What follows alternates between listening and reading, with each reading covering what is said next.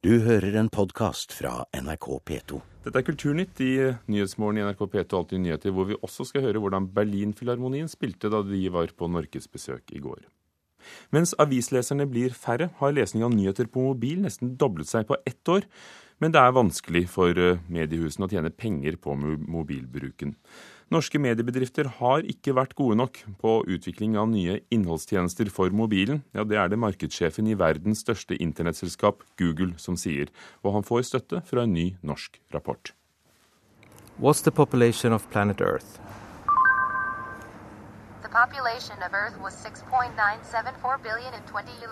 Richard Steiber tester ut siste nyvinning på sin mobil. Markedsdirektøren i Google er på en sjelden norgesvisitt. Han følger mobilmarkedet i Norge tett. Jeg så data her nå at i, i Norge så har 66% av alle mobiltelefoner er smartphones i dag. Og eh, ni ut av ti eh, mobiltelefoner som selges, er nå smartphones. Han mener norske mediebedrifter ligger langt bak i utviklingen av ny teknologi ment for mobilen. Jeg tror at eh, det finnes mye kvar å gjøre. Eh, jeg tror at eh, just Eh, den sosiale dimensjonen, den interaktive dimensjonen tror jeg er interessant både for eh, aviser, ikke bare for, for annonsører, men også å få inn leserne i produkten og ha diskusjon om, om ulike spørsmål. Nei, Jeg deler Steibers vurdering at eh, norske mediedrifter har vært eh, sene og lite innovative når det gjelder å utnytte mobilplattformen. Alf Lande er direktør i selskapet LAK20, et konsulentbyrå som hjelper norske selskaper med overgangen fra papir til nett og andre plattformer. Han mener norske medier ikke har utnyttet potensialet nye plattformer som mobil og nettbrett gir. De har på en måte brukt den gamle oppskriften, at dette på en måte er en, eh, er en eh, klassisk eh, internettsituasjon igjen og forsøkt da å, å, teste ut annonsemodellen som ikke har fungert. De har i for liten grad forstått at de må skape nye, innovative, nyttige og viktige tjenester og innholdsleveranser til befolkningen som virkelig spiller på de egenskaper en mobil har. I desember leverer han en rapport om innovasjonsgraden i norske og utenlandske medier. Den viser at Norge sakker akterut. Vi syns vi ser altså en mye høyere forretningsmodellinnovasjon og en mye sterkere evne til å sette sammen tjenester på nye og overraskende måter. Eh, altså serviceinnovasjon, vil jeg kalle det, eh, i andre land enn i Norge. Det er jo vanskelig å si at de har vært flinke nok. Det er Geir Engen, fagsjef i Mediebedriftenes Landsforening, som har bestilt rapporten fra Lande.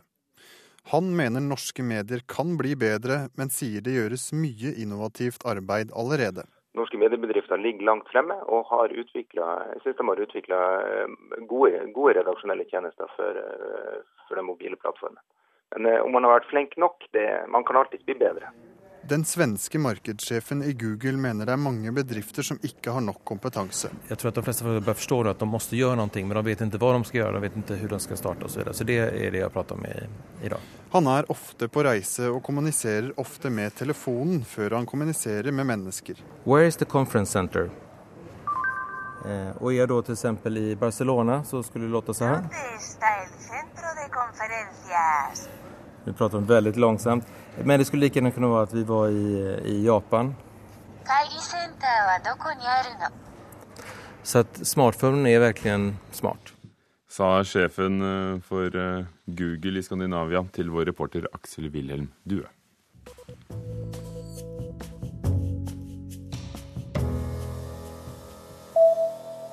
BBC betaler 1,7 millioner kroner i oppreisning til lord Robert Alistair McAlpine for falske pedofilianklager i nyhetsprogrammet Newsnight. McAlpine, som var rådgiver for Margaret Thatcher, ble ikke nevnt ved navn i programmet, men det gjorde han ganske fort i sosiale medier pga. dårlig anonymisering. McAlpine har selv engasjert eksperter for å finne ut hvem som navnga ham på internett. Gyldendal Forlag har refusert boken skrevet av Anders Behring Breiviks far, skriver Dagbladet. I august ble det kjent at Jens Breivik skrev bok, og Gyllendal sa at de ville vurdere å gi den ut. Etter å ha lest manuset har de derimot avvist den. Flere andre forlag har overfor Dagbladet også avvist at de har planer om å utgi boken.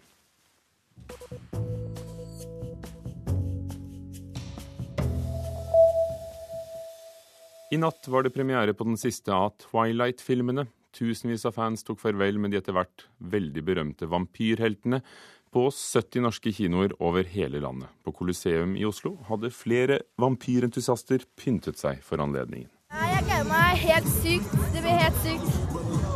Jeg gleder meg i flere uker nå. Vi har skrevet Twilight til panna vår. da. Hvorfor det? Um, det er fordi jeg vet at vi er Twilight-fans, og at vi er her for å se på premiere. Med sirlige svarte bokstaver har 13-åringene Hanne Emilie Tellefsen Høyland og Regine Holsten tegnet Twilight-logoen i panna. Sammen med hundrevis av andre tenåringer har de funnet veien til Colosseum kino i Oslo for midnattspremiere på den siste filmen i Twilight-sagaen. Også 70 andre norske byer hadde nattpremiere på den siste av fem filmer om vampyrer som kjemper mot varulver. Nei, jeg liker. Jeg vet ikke helt hvorfor. Jeg vet jo hvorfor, men jeg skal forklare? Men før jentene får tatt et endelig farvel med heltene sine, håper de å få se to av skuespillerne fra filmen på den røde løperen.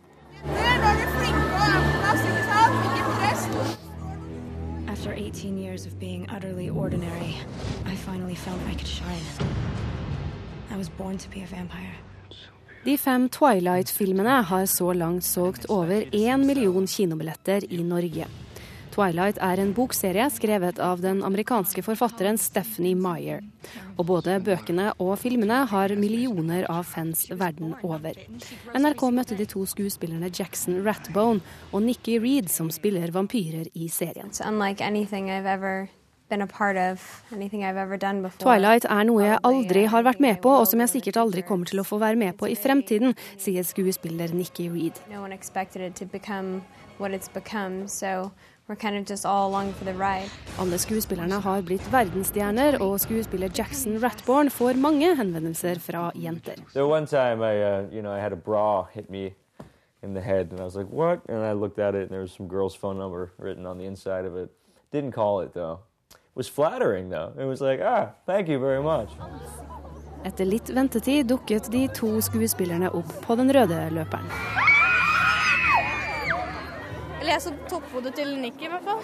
Ja, jeg så også håret, da. Man kan si man har sett dem, selv om man har sett litt av dem, så har man sett dem. Det er faktisk i virkeligheten. Det er, det er, det er helt sykt. Fy faen! Nå så dere ansiktet hans, gjorde dere ikke? Ja, jeg så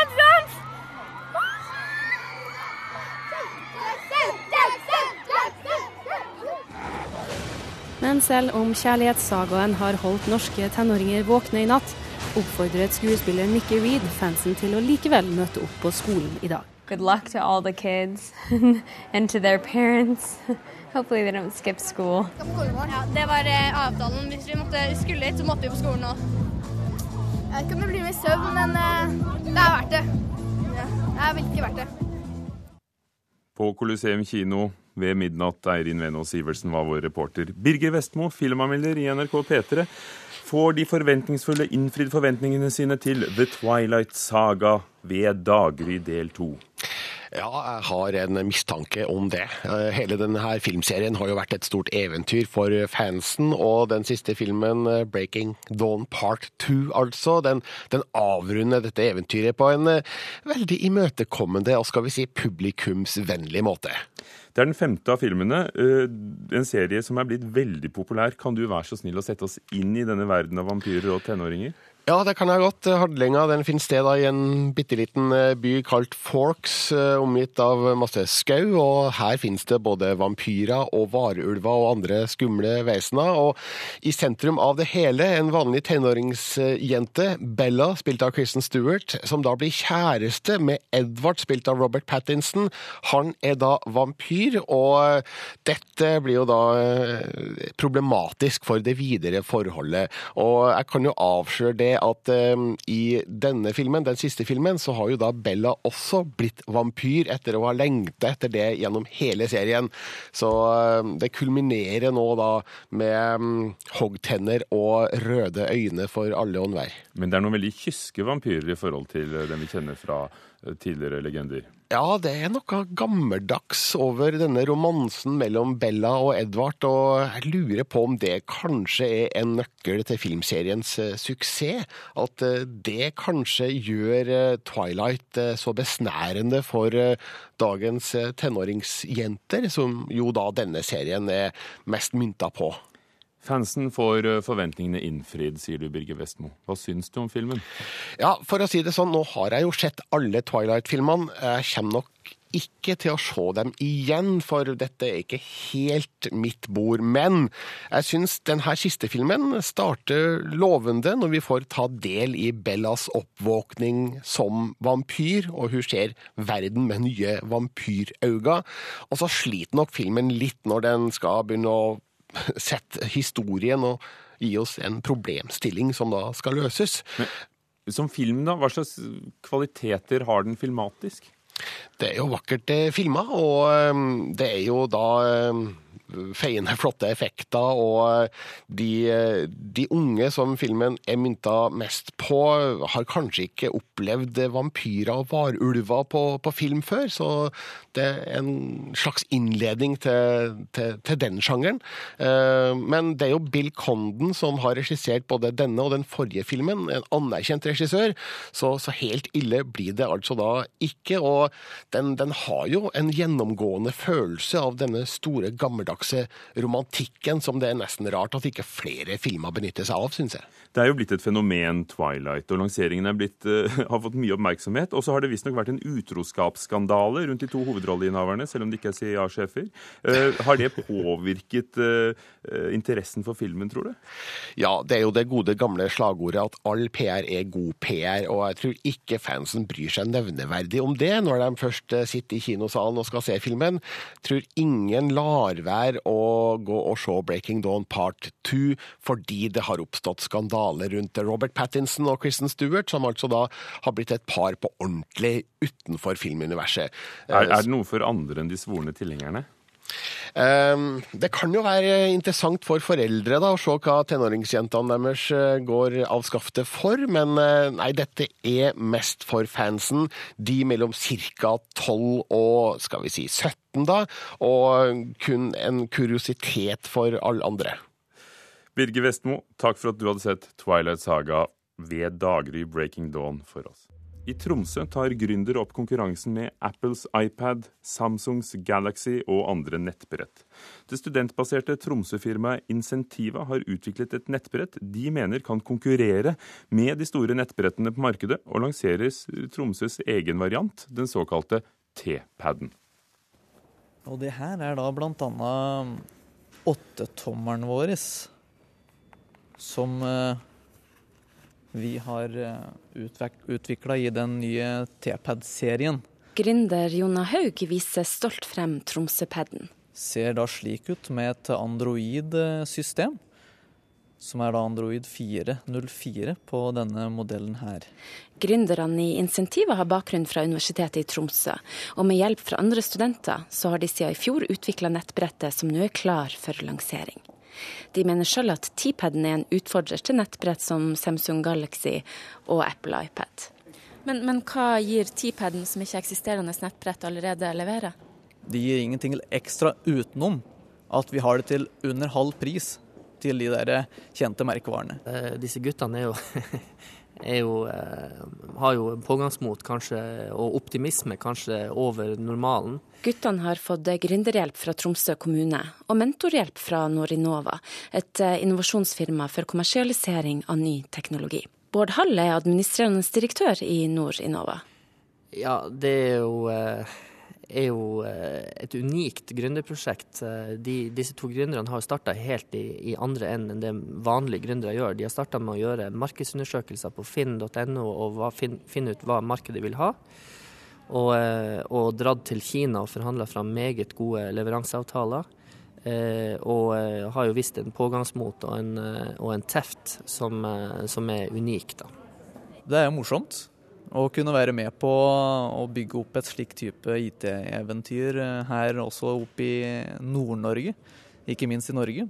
Så det er en eh, en trend som vi ikke kunne la gå forbi oss utenom at vi var med på den. Det er jo en modig satsing, jeg må si det.